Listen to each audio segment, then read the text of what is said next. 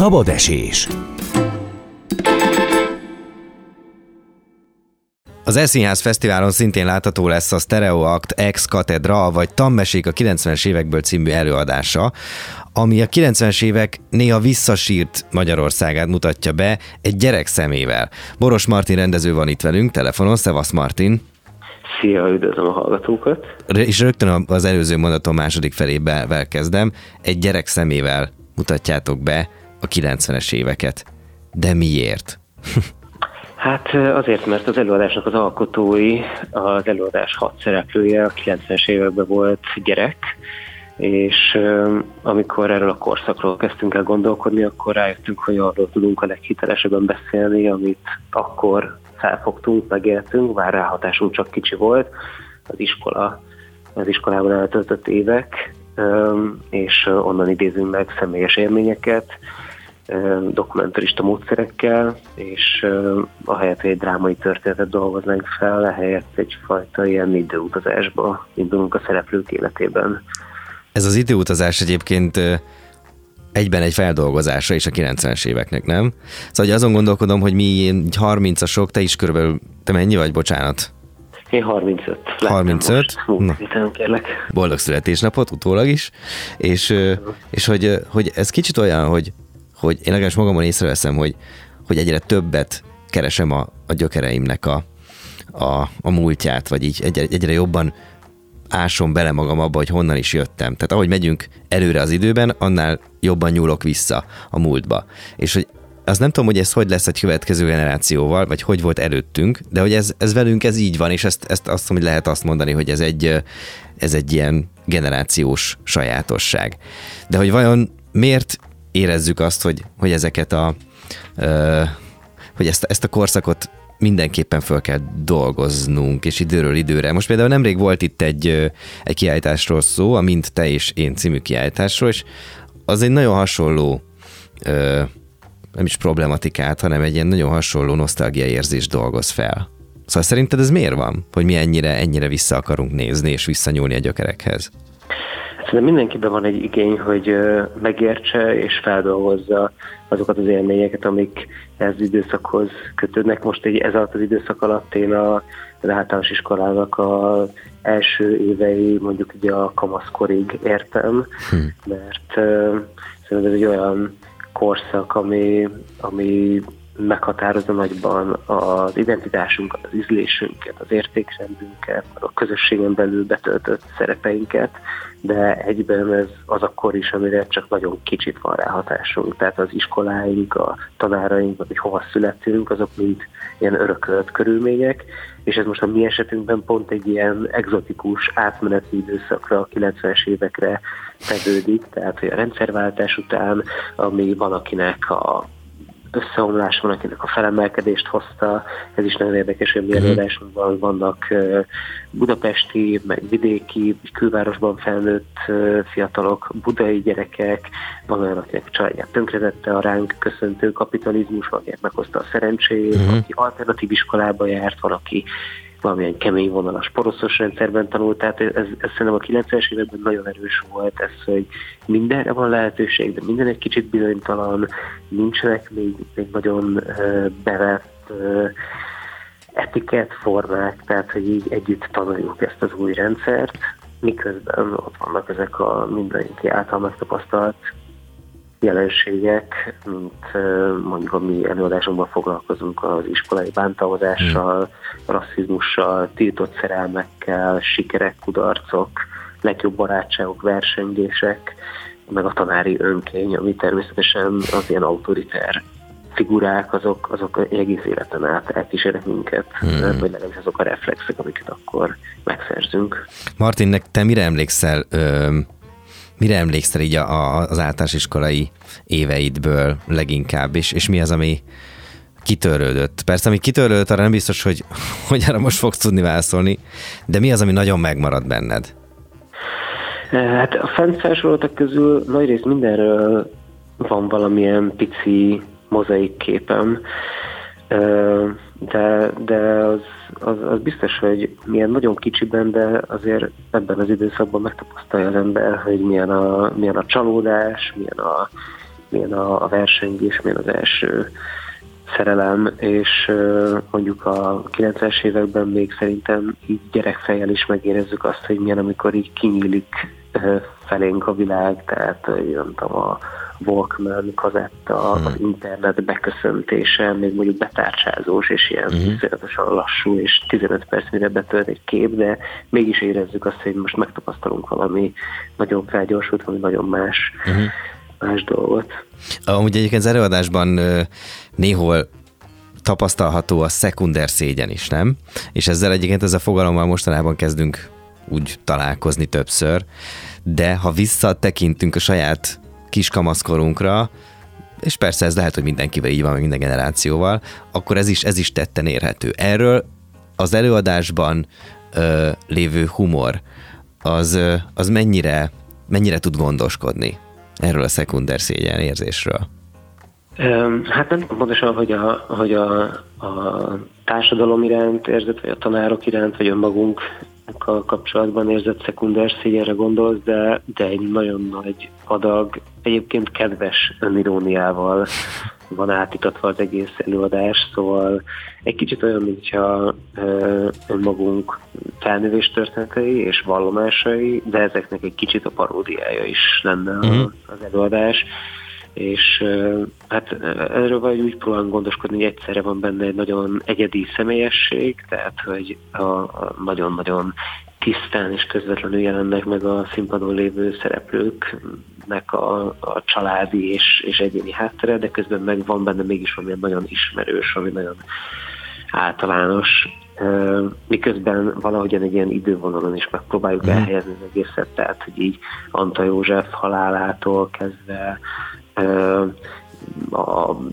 Belgrád bombázása is megjelenik ilyen flash-szerűen régi reklámok, amikből így átérződik valamilyen korszellem, aztán a World Trade Center már így nagyon ennek a történetnek a vége felé, szóval, uh-huh. hogy, hogy van, egy ilyen, van egy ilyen globális kitekintés, ami kicsit is segít mindenkit ebbe a nosztalikus hangulatba uh-huh. hozni.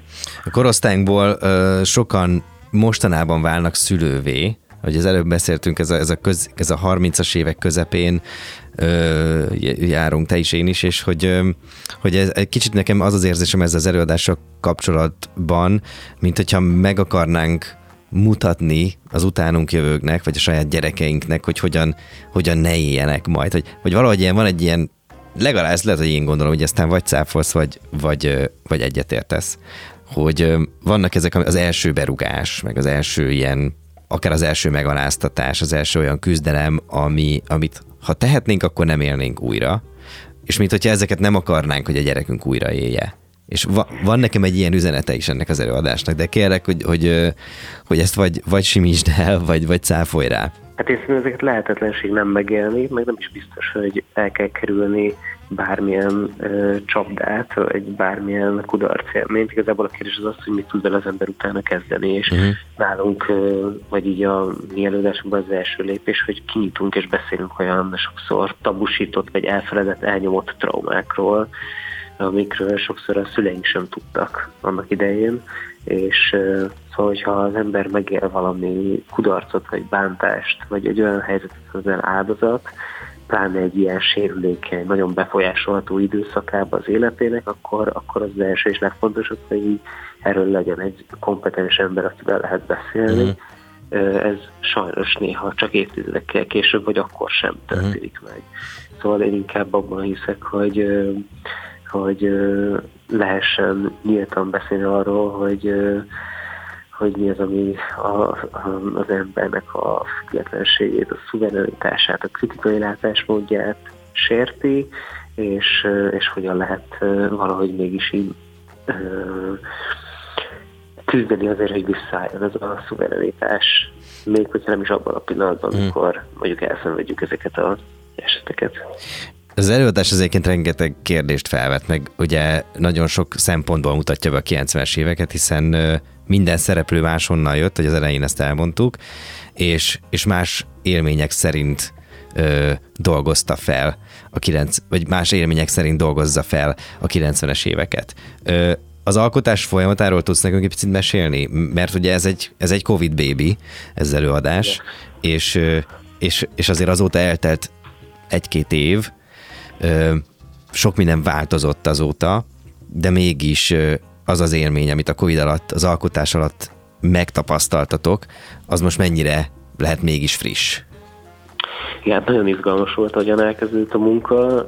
Először mindenki összeszedett a szülei padlásáról régi tárgyakat, és ezeknek a tárgyaknak, fotóknak a megmutogatásával, megosztásával kezdtük a próba folyamatot, és aztán ez bele is került az előadásba, szerelmes levelek, díjak és más őrzött tárgyak, amik egyfajta ilyen maketként, vagy, vagy egyfajta ilyen bábszínházként kerülnek elő a szereplők személyes tárgyai segítségével, és, és idéznek meg tárgyanimáció segítségével egészen távoli emlékeket, meg helyszíneket, meg, meg karaktereket. Ezt például nagyon, nagyon élveztem, és ez természetesen a Covid, meg a, meg a karantén, meg, a, meg az intenzív elszigetelődés, épp az összezártság, azok, az egyfajta inspiráció volt számunkra, de maga az, ami, ami belekerült az előadásba, az egy továbbra is teljes mértékben aktuális dolog. Ezt a formavilágot, az, hogy a videónak, meg a képeknek ilyen fontos szerepe van, az abszolút innen, innen jött. Uh-huh. De egyébként egy társulati elvonulás alkalmával jött a gondolat, amikor ezeket az addig feltörzött titkokat osztottuk meg egymással. Uh-huh. És még az is egy különlegesség az előadásnak, hogy nem csak színészek vannak benne, két színészen kívül van két táncos is, van két olyan tagja a társulatunknak, akik nem hivatásos színészek, az egyik egy grafikus, animációs filmkészítő, a másik pedig egy színházi menedzser. Uh-huh. Ez egy nem szokványos dolog, de ez egyfajta ilyen közösségi szemléletből, meg, a, meg az első ilyen kutató próba folyamat fázisban beleadott vagy hozzáadott értékük miatt alakult így végül, hogy kollektív úgy döntöttünk, hogy nekik is színpadon kell lenniük, és ez, egy, ez, ez még fokozza a sokszínűségét a, a, az előadás világának. Egy picit hadd térjek ki a te munkádra és a Stereoaktra. Ez egy nagyjából tíz éve követlek benneteket, és ami közös az előadásokban az az, hogy mindig aktuális társadalmi kérdéseket szedtek atomokra.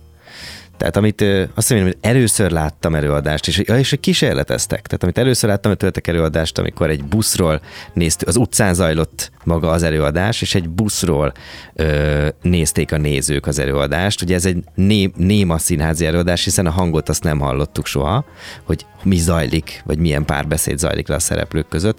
Nyilván emlékszel rá. A címére viszont én nem emlékszem, az mi volt? Ez ott promenád. Promenád, így van, így van. És ez ott a Vekerre telepen ö, ah, játszódott, és akkor ment körbe egy busz, és, és mindenhol jeleneteket láttunk. Szóval ez egy elképesztő újítás volt. Ez idő alatt, az mondjuk ezt egy tíz éve volt, igaz? Én úgy emlékszem, hogy ez tíz vagy kilenc éve Igen, volt. Körülbelül körül. oda datálódik a társadalmat alapítása, amikor bemutattuk a promenádet. Így van. Szóval, szóval a kihívásokról egy picit beszéljünk, mert ha jól emlékszem, akkor azért abban az előadásban nagyon nagy szerepet kapott a, az előítéleteknek a jelenléte a társadalmunkban. Meg a félelmeink, azok a szorongások, amik vagy valósak, vagy, vagy, vagy csak véltek. És hogy azok a kihívások, amik ez alatt a tíz év alatt felfelmerültek a társadalomban, azok mennyiben változtak? Az ember azon gondolkodik, hogy hogyan tud hasznos lenni. Tehát a színháznak azon kívül, hogy élményszerűnek és szórakoztatónak kell lennie, sokan úgy végezzük a munkánkat, hogy abban hiszünk, hogy emellett még valamilyen társadalmi hasznot is kell hajtania. Például kezdődik ott, hogy mondjuk elhatározzuk, hogy ez nem csak egy elit színház akar lenni, hanem megpróbáljuk minél jobban demokratizálni, és olyanokhoz is eljutatni, akik amúgy nem feltétlenül járnak színházba, vagy nem egy ilyen polgári színházba járó közönség. Hát nem, hogy ez nagyon elválik ma? Bocs, bocs, hogy szabad meg, ez nagyon elválik ma a polgári és a mondjuk ugye a kísérletező színház. Mondjuk a kettő az nem zárja ki egymást, de a polgári és az a színház, ami, ami ami picit mindig a határokon túl megy. Talán a polgári az megmarad a, a, a konzervatív keretek között.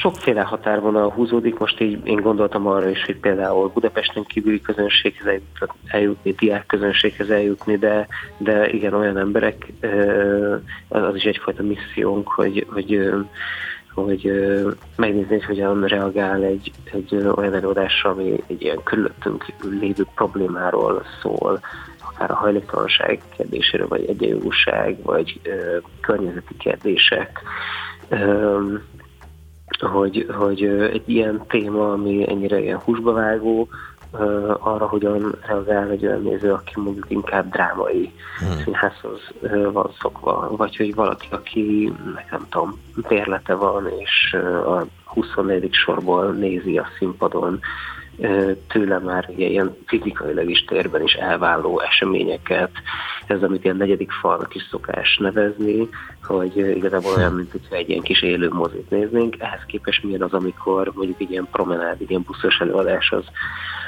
hasonló szituációban valamilyen rendkívüli pozícióban van, vagy egy van aktívabb pozícióban van helyezve a néző. Ez egy, ez egy tíz éve tartó folyamat, és egyre többet, egyre nagyobb lépésekkel megyünk a közösségi és társadalmi témák felé, amiben néha az is benne van, hogy hogy civil szereplők is színpadon vannak, akiknek van valamilyen első kézből való tapasztalata, tehát hogy van egy előadásunk, egy színházi társasjáték, amiben például egy hajléktalan szereplő is részt vesz, és saját, saját magát játsza, saját tapasztalatait is megosztja. Hmm. De készítettem előadást az Örkény Színházban is a gondoskodási válság témaköréről, az volt a kiváló dolgozók, ahol tíz gondoskodó munkát végző szakember volt színpadon az Örkény színészeivel együtt. Hmm. Szóval ez például egy egy Magyarországon kevésbé bevett vagy ismert forma, ez módszertanilag is nyilván mindig egy kísérletezést ró az alkotóra, és a nézőnek is egy, egy nagyobb hát egy kilépés a komfortzónából, mert másként kell nézni, más, más típusú történeteket kap, és más típusú formával találkozik, mint, mm. mint mondjuk egy klasszikus előadás modern interpretációja, vagy valamilyen kortárs színű megnézésekor.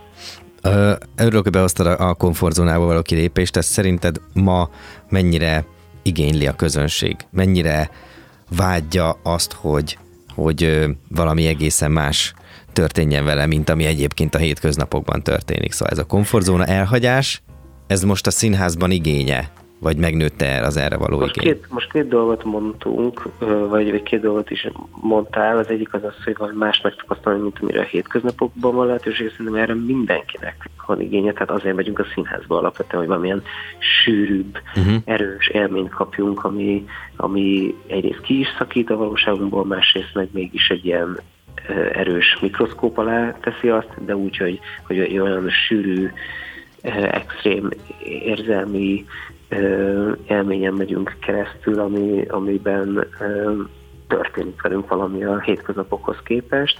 Az, hogy ez, ez mennyire ö, legyen ö, határokat feszegető, vagy provokatív, vagy a komfortzónán túlmutató, az abszolút néző válogatja, nem lehet ebben általánosítani. Én csak azt tudom, hogy van rá igény, nem mindenkiben, de van egy nagyon ö, nagy közönségvétel, akiben igen, mert, mert tíz éve nagy érdeklődéssel mennek az ilyen típusú előadásaink, meg azok a helyek, ahol, ahol rendszeresen játszunk, a Jurányiban, meg a Trafóban, nyilván elsősorban inkább olyan nézők fordulnak meg, akik, akik újszerű élményekre vágynak, és semmiképpen sem pameleket mm. akarnak látni, hanem, hanem meglepetésre vágynak.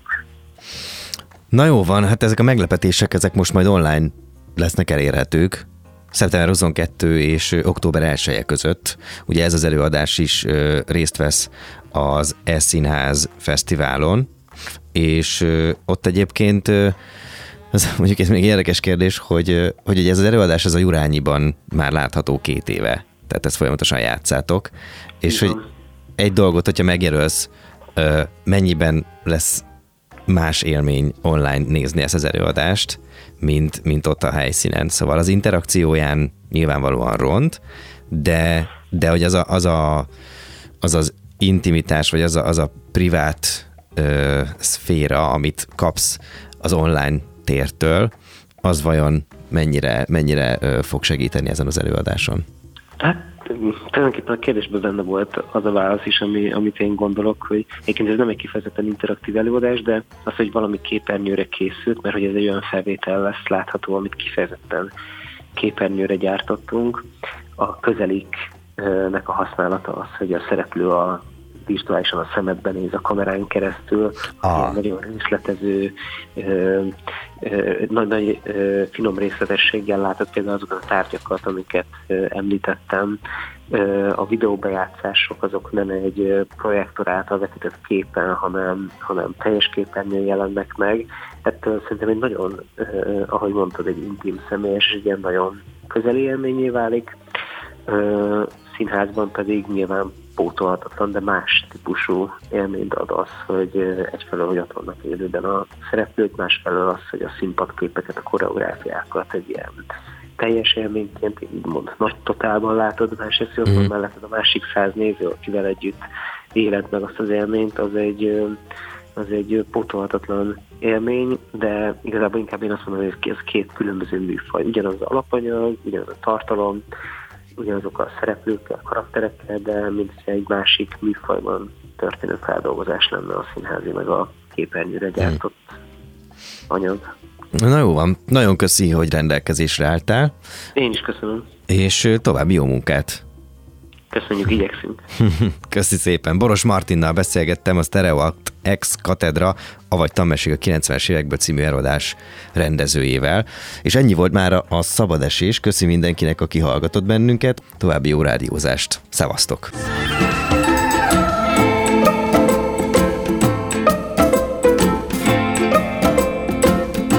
Marosi Viktort és a szabad esést hallottátok. Ezt is megtaláljátok a rádiókafé 98.hu-n.